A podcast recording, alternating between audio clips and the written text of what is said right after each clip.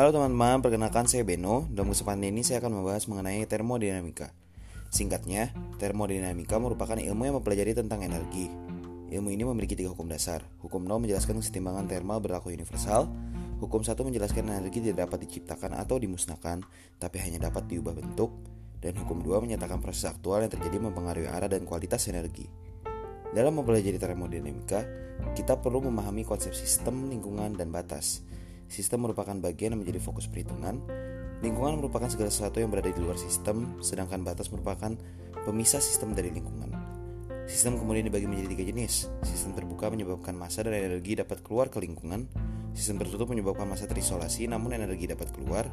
Terakhir, sistem terisolasi di mana baik massa dan energi tidak dapat keluar. Sifat-sifat dari sistem dapat dibedakan menjadi dua jenis, yaitu intensif dan ekstensif. Sifat intensif adalah sifat sistem yang independen seperti suhu, tekanan, dan rapat massa.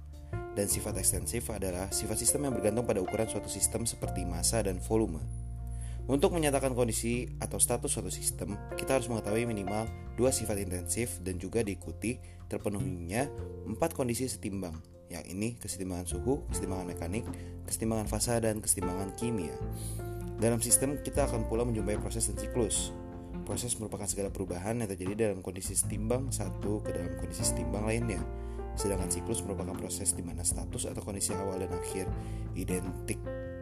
Proses termodinamika dibagi menjadi tiga, yaitu proses isotermal, ini suhunya konstan, proses isobarik, yaitu tekanannya konstan, dan isokorik, yaitu volumenya konstan. Sekian podcast ini dibuat, semoga dapat membantu teman-teman untuk memahami materi termodinamika dengan lebih mudah. Terima kasih.